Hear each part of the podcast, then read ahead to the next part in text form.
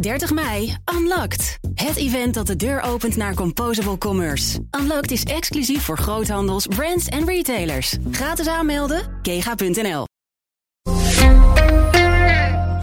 Dus hoe gaat het met je? Hoe gaat het met de campagne? Uh, Supergoed natuurlijk. weinig politiek inhoudelijk. Volt op vrijdag. Geert-Jan Haan. Welkom bij Volt op vrijdag, 17 november 2023. De komende negen maanden volg ik Geert-Jan Haan de pan-Europese partij Volt. Een periode vol spanning met Nederlandse, maar ook Europese verkiezingen. Lukt het de beweging om door te breken of bevalt nationale politiek toch beter? Elke vrijdag een update. En eh, dat doe ik deze aflevering met Simon van Teutem. Je hoort hem straks. Maar eerst Laurens Das en Renier van Landschot. Uh, die eigenlijk onafscheidelijk zijn deze weken. Want de lijsttrekker voor de Europese verkiezingen is de chauffeur van de lijsttrekker voor de Nederlandse verkiezingen. Mooi hè? Ja, dat klopt. Ja, en dat is uh, en heel gezellig en voor mij heel leerzaam ook. Uh, goede, voor, ja, goede voorbereiding. Niet alleen uh, om te rijden, maar ook om van dichtbij alles mee te maken. En je ziet dat Laurens de afgelopen jaren ja, nog veel beter is geworden dan hij al was. En daar kan ik veel van leren. Dus het is een goede combinatie. Maar het is uiteindelijk ook gewoon uh, ontzettend leuk om uh, samen uh, daar overal naartoe te gaan. Er zit natuurlijk heel veel voorbereiding in alle optredens waar we zijn. door heel veel medewerkers, vrijwilligers. maar uiteindelijk moet dat ook goed ten uitvoer worden gebracht. En dan is het fijn als je met een team ook naar bepaalde plekken toe kunt. Even die goede volt-energie erin te krijgen. En, dus dat is erg fijn. Even los van de inhoud, Laurens. Hoe gaat het met je? Ja, het gaat goed. Uh, als in de zin van, uh, uh, ik vind de campagne die wij met Volt aan voeren zijn echt supergoed. je ziet dat de energie in de partij heel hoog is. We doen het goed op de socials. we zijn actief in de media, dus daar ben ik heel enthousiast over. Ik zelf heb weinig uurtjes slaap op dit moment. dus dat is nou ja, uitdagend natuurlijk. ook met een kleine thuis. Maar het gaat heel goed. Ik heb er alle vertrouwen in dat we volgende week die zes zetels gaan halen. Ja, ik wil toch even wat over die gezinssituatie vragen. Uh, ten eerste, wordt het thuis geaccepteerd dat je zoveel weg bent? Nou, ik, ik, vraag veel van mijn vriendin op dit moment. En, en zij zegt heel terecht, ik ben blij als het volgende week 22 november is. want ik, ik, ben weinig thuis. ik vind dat zelf natuurlijk ook jammer, zeker met zo'n vrolijk ventje thuis. Maar ik vraag ontzettend veel van het Truisfront en ik ben heel blij dat ze me daarin steunt. en, en daar mag ik dankbaar voor zijn. En heeft ze gezegd, als je niet zoveel zetels haalt, ja, dan ben ik nog bozer op je? Uh, dat, dat, uh, dat, dat, uh, ik, ik, nou, ik hoop niet dat ze dan bozer op me gaat zijn, maar ze heeft er wel alle vertrouwen in. En dat is mede ook dankzij haar dan. Ik weet zelf nog, ik had het daar met Renier even van tevoren over toen de oorlog in Oekraïne begon. dat ik zelf echt drie maanden lang daar zo obsessief mee bezig was, dat ik nog alles herinner van um, ja, wat er in die oorlog gebeurde aan het begin. En qua werk en alles wat hier bij BNR gebeurde. Maar dat ik zoveel blinde vlekken heb van de thuisfronten. dat ik niet meer weet uh, welke ontwikkeling mijn dochter toen gemaakt heeft. Dus ik kan je toch wel een beetje aanraden. Uh, op een gegeven moment uh, ga een weekend weg. Uh, zeker, dat is ook een harde eis. Uh, dus uh, op het moment dat dit voorbij is, dat we een familieweekend gaan hebben. En dat we ook volgend jaar met elkaar in het reces daadwerkelijk langere tijd op vakantie gaan. dat de telefoon uitgaat en dat ik dat we volledig met elkaar daar de focus hebben. En even voor, voor mijn beeld, behind the scenes. Um, jullie rustmoment is dus eigenlijk in de auto. Dat ja. is het rustigste moment van, van, van de week. Ja, ja als er niet uh, tussendoor nog vanuit de auto radio-interviews moeten gedaan worden of Instagram lives. Want dat gebeurt soms ook vanuit de auto. dat is waar. maar, maar voor de rest is dat het rustmoment, ja. Ja, dus dan gaat de muziek even wat harder aan. even bijkomen, even opladen voor het volgende. Ben je al in slaap gevallen in de auto? Zeker, gisteren nog. Ja. Um, was dat lekker? Gister, gisterochtend waren we bij uh, Tubantia. Was uh, ontzettend leuk uh, in, in Enschede. Toen moesten we daarna door richting Hilversum. Um, en ja, in de auto heb ik even iets voor mijn ogen gedaan, mijn ogen dicht gedaan en in de hoop in slaap te vallen. En toen ik mijn ogen weer open deed, toen zei Reinier, volgens mij was je echt weg, want je mond stond wagenwijd open. Dus, En welke muziek staat erop? Uh, nou, een, een, nummertje wat we al vaak gedraaid hebben is uh, Walking on a Dream. Uh, van Empire of the Sun. Uh, heel erg lekker nummer. Maar er is ook al veel geluisterd naar de beats van Loyal Carner. Een rapper uit Londen. Want die zag ik deze zomer op Lowlands en vond ik toen heel vet. Die, die, maakt goede muziek, dus die heeft ook al veel aangestaan. Oké. Okay. En dan kun je echt even weg zijn van al dat campagnegeneuzel? Nee, uh, ik denk op dit moment ben je nooit helemaal weg. Uh, je staat altijd aan, je bent altijd weer aan het kijken wat zijn de ontwikkelingen, uh, wat zijn de discussies die plaatsvinden. Dus helemaal uitstaan is heel moeilijk op dit moment. maar dat zijn wel even de momenten dat je toch in een andere ja, ruimte even zit en dan met lekker muziek aan, dat je toch even het gevoel hebt, oké, uh, we zijn goed bezig. Het gaat de goede kant op. Het Volt-verhaal wordt gehoord. En we zijn flink aan het verspreiden. en dat geeft wel weer even ja, een momentje van energie, zou ik het willen noemen. En, en, wat is nou jouw of jullie strategie, even los van de inhoud? Is dat zoveel mogelijk ehm, met je kop in de media komen, zoveel mogelijk talkshows, zoveel mogelijk podcasts, wel gericht op je electoraat? Of probeer je het toch te combineren en af te wisselen met flyeren, de straat op gaan, universiteiten bezoeken? Hoe, hoe kijk je er zelf naar? Maar het is en. Van we, we moeten alles doen. Uh, en dat is ook het leuke eraan. Van uiteindelijk wil je Volt op alle mogelijke manieren tegenkomen. Je wil het op de socials zien. Je wil op straat een gesprek uh, voeren. Dus heel veel vrijwilligers gaan continu ook uh, de straat op. Ikzelf ook. We gaan nog steeds op verschillende werkbezoeken. We waren Twee dagen geleden waren we in Groningen. Uh, daar hebben we nog flink met studenten om de tafel gezeten om het gesprek te voeren van waar lopen zij tegenaan. Internationalisering van studenten. Uh, dus ook dat doen we allemaal. En natuurlijk proberen we zoveel mogelijk ook in de media te komen. Om uiteindelijk ook het Volt-verhaal daar uh, te kunnen verspreiden. Ja. Maar het is overal. Ja, zeker. En, en dat is ook wel heel cool om te zien. Volt is echt een beweging. Ja. Dus overal waar wij komen zijn lokale teams van actieve vrijwilligers die denken: ik wil zelf ook verantwoordelijkheid nemen voor een andere toekomst. En daarom ga ik meehelpen met deze campagne. Dus gisteren toen wij aankwamen bij Tubantia stonden daar gewoon ja, 15 volters in t-shirts met flyers allemaal uh, uh, keihard aan het werk om deze campagne tot een succes te maken.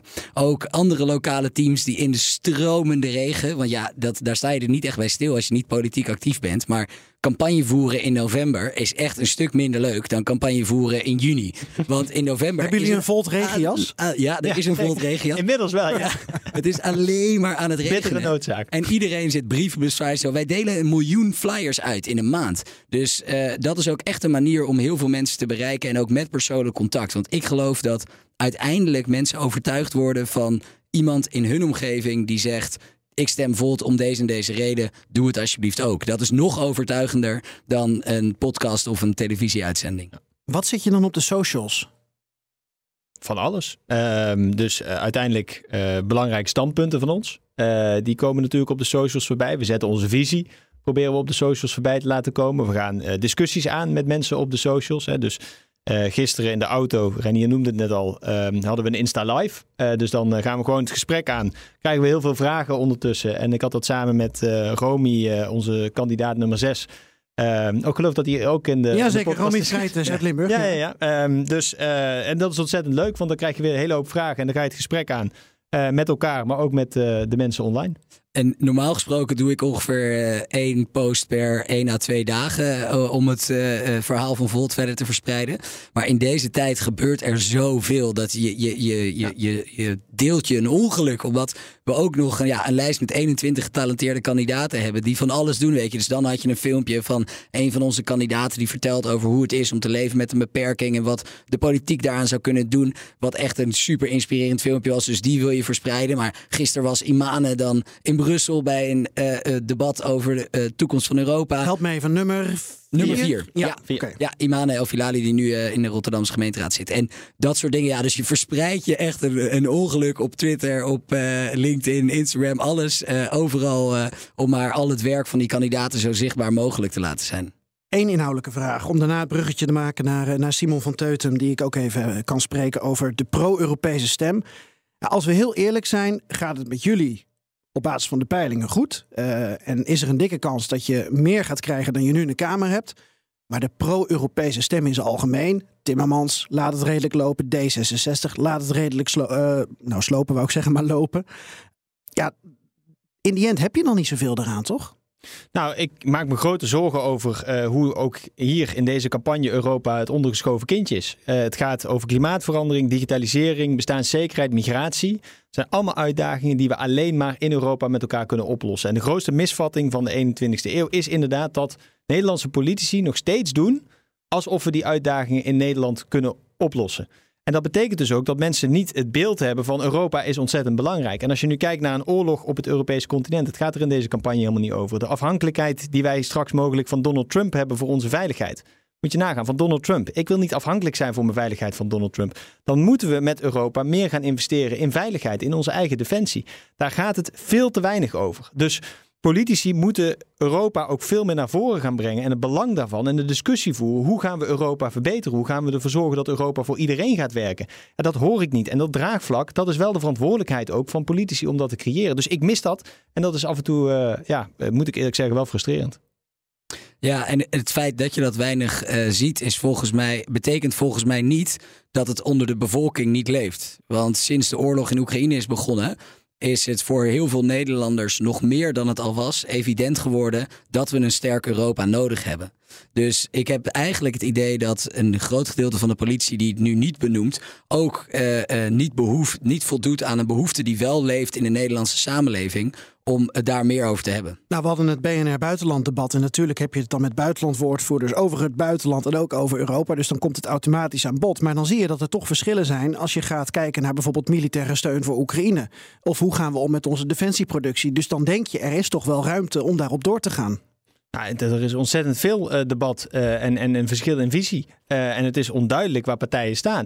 Pieter Omtzigt uh, die wil uh, in plaats van dat we het veto in Europa volledig afschaffen, zodat we daadkrachtig en snel kunnen handelen in deze wereld, die wil juist dat een, de nationale parlementen allemaal een veto krijgen over elk wetsvoorstel uit de Europese ja, Unie. Is het zo letterlijk, Laurens? Ik het hoor je dat nu een paar keer zeggen. Het maar... is zo letterlijk ja? staat het in het programma. Voor ja? elke richtlijn en elke wetgeving vanuit de Europese Unie moet er een meerderheid zijn in de Tweede Kamer. En dat leggen we ook nog eens vast in de grondwet. Nou, we weten ook nog dat hij een constitutioneel hof uh, wil. Dus wat betekent dat dan als elk nationaal parlement dit gaat doen? Dat betekent dat Orbán alle wetgeving dadelijk gaat tegenhouden. Ja, dat is uiteindelijk wat er in het verkiezingsprogramma staat. En dan hoor ik Casper Veldkamp inderdaad af en toe zeggen: nee, dat is niet zo. Dat nee, is niet dat zo. Is liberum veto. Ja, dat is het idee. De, het, het, staat uh, letterlijk in het verkiezingsprogramma. Dus het is wel degelijk een veto. En het zorgt ja. eruit. En hij wil ook opt-outs. Uh, bijvoorbeeld bij uh, de euro. Nou, dat is uh, uiteindelijk het wantrouwen al in het systeem voeden. En daarmee ondermijn je dus de Europese samenwerking. Ja, jij bent dus tegen de suggestie die al gewekt wordt. Precies. Ongeacht wat de uiteindelijke uitkomst zou zijn bij een formatie. Absoluut. Ja. Dus, en, en, en, en daarin laat je in mijn optiek zien dat je als omzicht niet wil dat we in Europa uh, meer en daadkrachtiger gaan samenwerken. Maar dat je dus de andere kant op wil. Namelijk dat je terug wil naar meer lidstaten. Nou, kan je vertellen, China en de Verenigde Staten, die zullen ons uit elkaar spelen. Uh, grote bedrijven, die zullen ons uit elkaar spelen. En in een vijandigere wereld die we nu hebben, kunnen we ons dat gewoon niet permitteren. Ja, Casper Veldkamp, ik heb het toch nog even aan hem gevraagd, Laurens. Want ik, ik wist dat ik jou zou spreken. En hij zegt het is een framing door Volt. Het gaat bij ons over de inzet van Nederlandse bewindslieden in Brussel. Ze negeren regelmatig de meerderheid in de Tweede Kamer. Dat is waar wij op hameren. Dat staat niet in het verkiezingsprogramma. Dus ik, ik heb het al eerder gezegd. Casper Veldkamp moet zijn verkiezingsprogramma's lezen. Daar staat in dat elke wetgeving door de meerderheid van de Tweede Kamer goedgekeurd moet worden. En ze leggen het vast in de grondwet. Ja, sorry, maar dat zegt voor mij heel veel. Uh, uh, zeker als je Pieter Omtzigt een beetje kent, dan is dat met een reden. Oké. Okay. Wil jij ja. nog inhoudelijk aanvullen en dan gaan we hem afronden? Ja, nou, want misschien... dan kunnen jullie door naar de volgende ja. afspraak. Want jullie zijn een soort rocksterren. Het is niet normaal. Uh, jullie hebben niet eens 10 minuten tijd voor mij. Nou ja, misschien nog één punt. dat kwam net zijdelings ter sprake. Waar ik mij ook zorgen over maak, is het feit dat een aantal politieke partijen de deur openzetten naar regeren met Geert Wilders. En dan gaat het vaak over het feit dat hij allemaal bizarre dingen in zijn programma heeft staan. Maar waar het niet vaak over gaat, is dat hij geen steun meer aan Oekraïne wil geven. En dat vind ik ontzettend verontrustend. Want we moeten Oekraïne blijven steunen. Dat is in ons eigen belang. En het is het moreel juiste om te doen. Ik hoor hier in de absolute slotfase van de uh, verkiezingen een nieuwe campagnestrategie. Uh, we gaan op militaire steun voor Oekraïne campagne voeren nog een paar dagen. Tot slot, Laurens, uh, Europese verkiezingen volgend jaar. Ja. Ik ga ervan uit dat jij um, Reinier door heel Europa gaat rijden? Ik uh, zorg dat wij een hele goede elektrische auto hebben met een goede actieradius. En dan rijden we Reinier overal naartoe om te zorgen dat het Volt-verhaal in heel Europa op 6 juni uh, gaat klinken. En, en de Maxicosi achterin, denk ik, hè? want anders heb je weer een probleem thuis. ja, ja, ja. en met mijn vriendin ook mee. nee, ik heb er ontzettend veel zin in. Kijk, het is voor Volt een hele belangrijke verkiezing. Uh, we gaan in twintig landen gaan we straks mogelijk meedoen. Uh, nou, in, in, in Reinier gaat dat uh, natuurlijk vanuit Nederland uh, op een fantastische manier doen. Dat heeft hij in 2019 al laten zien. Dus ik kijk daar erg naar uit om te zorgen dat we als eerste partij dadelijk in het Europees Parlement zetels hebben uit meerdere landen met hetzelfde verkiezingsprogramma. Het zal uniek worden. We zien elkaar woensdagavond in Utrecht. tot die tijd veel succes met de campagne. Dank. Dankjewel. Zoals gezegd, we schakelen ook even met Simon van Teutem. Simon is gespecialiseerd in Europese politiek, ehm, werkt eraan aan de Universiteit van Oxford met een PhD, is ook podcastmaker, is ook auteur en volgt Volt op de voet. En volgt ook de Europese stem op de voet. En dat is natuurlijk een interessante met het oog op deze verkiezingen. Simon, ook al heb je een zwak voor Volt, jij kunt nog steeds wel objectief kijken naar hoe het met de Europese stem op dit moment gaat. Vind je dat Timmermans en Jette het momenteel laten lopen en verbaas je dat? Um, ja en nee eigenlijk. Ja, want de wereld buiten de grens wordt alleen maar belangrijker. Zeker met de conflicten die, er, uh, die zijn opgeleid sinds de laatste Tweede Kamerverkiezingen. Aan de andere kant, in elk geval bij GroenLinks PvdA, verbaast het me ook niet. Want van Timmermans weten mensen denk ik wel hoe belangrijk hij Europa vindt. En zijn valkuil is electoraal juist dat hij Nederland te klein maakt of te weinig kent of te onbelangrijk vindt. Dus ik begrijp strategisch wel waar hij zijn klemtoon uh, legt. Bij D66 is dat wel iets anders. Daar had ik echt verwacht dat ze meer uh, op Europa campagne zouden voeren. Um, ook deels omdat ze daar best wel wat gepresteerd hebben. Er is natuurlijk in het regeerakkoord van 2021 een enorme ommezwaai gemaakt in de Nederlandse houding naar de EU. Ineens wilden we een, uh, een leidende rol spelen. Nou, dat is echt anders dan de retoriek van de jaren ervoor. En D66 was daar verantwoordelijk voor. Dus ik had wel verwacht dat ze dat sterker zouden inzetten. Ook omdat D66 nog meer te verliezen heeft aan Volt dan uh, GroenLinks PvdA. Dus vanuit dat oogpunt ook wel verrassend. Als je op basis van de peilingen een optelsom maakt, eh, Simon, en kijkt naar PvdA, GroenLinks, D66 en Volt, dan zijn die straks samen goed voor nou 45 zetels in de Kamer. En dan heb ik heel erg naar boven afgerond. Wat zegt dat dan over het Europese gedachtegoed van de uh, Nederlander op dit moment? Dat we het allemaal maar voor kennisgeving aannemen, onze rol in Europa en de wereld? Ja, ik vind het grappig dat je zegt um, dat PvdA, GroenLinks, D66 en Volt straks nog geen 45 zetels halen. Want ik zat toevallig gisteren even te rekenen hoe het eigenlijk ging met uh, progressieve partijen in Nederland sinds uh, de Tweede Kamerverkiezingen van 2012. Dus ik, ik heb gekeken naar SP, PvdA, GroenLinks, D66, PVDD, Volt en Bijeen. En toen zag ik dat in 2012 hadden die partijen nog 71 zetels. In uh, 2017 58. In 2021 uh, 59. En nu peilen ze op 47. Nu zijn dat niet allemaal pro-Europese partijen. Dus de SP is bijvoorbeeld best wel eurosceptisch. Um, maar ja, dat, is wel, dat zegt wel iets over het progressieve gedachtegoed um, in, in Nederland. Aan de andere kant heb ik wel het idee dat CDA en VVD echt wel een, een redelijke, zeker CDA, best wel een draai aan het maken zijn op, uh, op Europa. En echt een stuk minder eurosceptischer zijn geworden sinds Brexit. Dus ja, je kan die zetelaantallen niet helemaal gebruiken als graadmeter voor wat de Nederlandse burger van het Europese gedachtegoed vindt. Is Nederland misschien nog niet klaar, nog niet rijp voor Volt? Ja, dat vind ik wel een grappige vraag. Want als je naar de Europese landen kijkt waar Volt het allemaal geprobeerd heeft de afgelopen jaren, dan uh, hebben ze nergens zo'n voet aan de grond gekregen als in Nederland. Dus um, ja, dat suggereert toch dat er. Uh, dat Nederland er, als er een land er klaar voor is of rijp voor is, dat, uh, dat dat dan toch wel Nederland is. Maar je zou natuurlijk ook kunnen stellen dat um, heel Europa nog niet klaar is voor echt die grensoverstijgende politiek. Um, maar ik denk wel dat Volt het heel goed aan het agenderen is. En um, ik denk, ja, we hadden net even over PvdA, GroenLinks en uh, D66. En ik, ik, ja, ik denk dat Volt zichzelf ook niet te veel moet zien als op dit moment, of in deze fase in elk geval, als oh, wij moeten naar de 30 zetels. Maar meer kunnen wij uh, niet alleen linkse partijen, maar ook partijen als uh, zeg maar, conventionele partijen of um, liberale partijen overhalen om Europa op, hoger op hun lijst te zetten. En, en, en volgens mij lukt dat in Nederland heel goed ook. Dus ik zou eigenlijk wel zeggen dat um, Nederland op dit moment best wel rijp is voor Volt. En dat, dat partijen er ook wel sterk op reageren. Ik zei het al, je bent een, een Volt-sympathisant, een Volt-endorser. Hoe, um, hoe vind je dat ze het doen? En ik vind dat ze deze campagne in grote lijnen heel goed doen. Vooral omdat ze ja, ze staan op zetelverdubbeling in de Tweede Kamer. op dit moment in de peilingen. Uh, nu kan het natuurlijk nog zo zijn dat ze nog flink wat gaan verliezen aan GroenLinks PvdA. Als uh, progressieve kiezers toch nog denken, we willen absoluut niet dat VVD de grootste wordt. Dat kan. Maar vooralsnog uh, gaat het heel aardig. Vooral als je bedenkt dat ze zo lang bezig zijn geweest met die interne conflicten. En daar ook heel veel media-aandacht voor is geweest. Dus daar zijn ze eigenlijk best wel goed van teruggekomen. Um, ja, aan de andere kant merk je dus wel dat Europa echt minder een thema is. Maar dat komt dus ook, en dat zei ik net ook al, dat andere partijen dat wel meer hebben overgenomen. Best wel subtiel soms. Maar ja, dat is een verdienste van Volt. Dat is eigenlijk een winst van Volt van de vorige verkiezingen. Maar daardoor krijg je een beetje hetzelfde probleem als um, ja, een partij als GroenLinks. Die heeft heel lang natuurlijk milieu en klimaat geagendeerd. En was daar een tijdje een van de enige partijen in.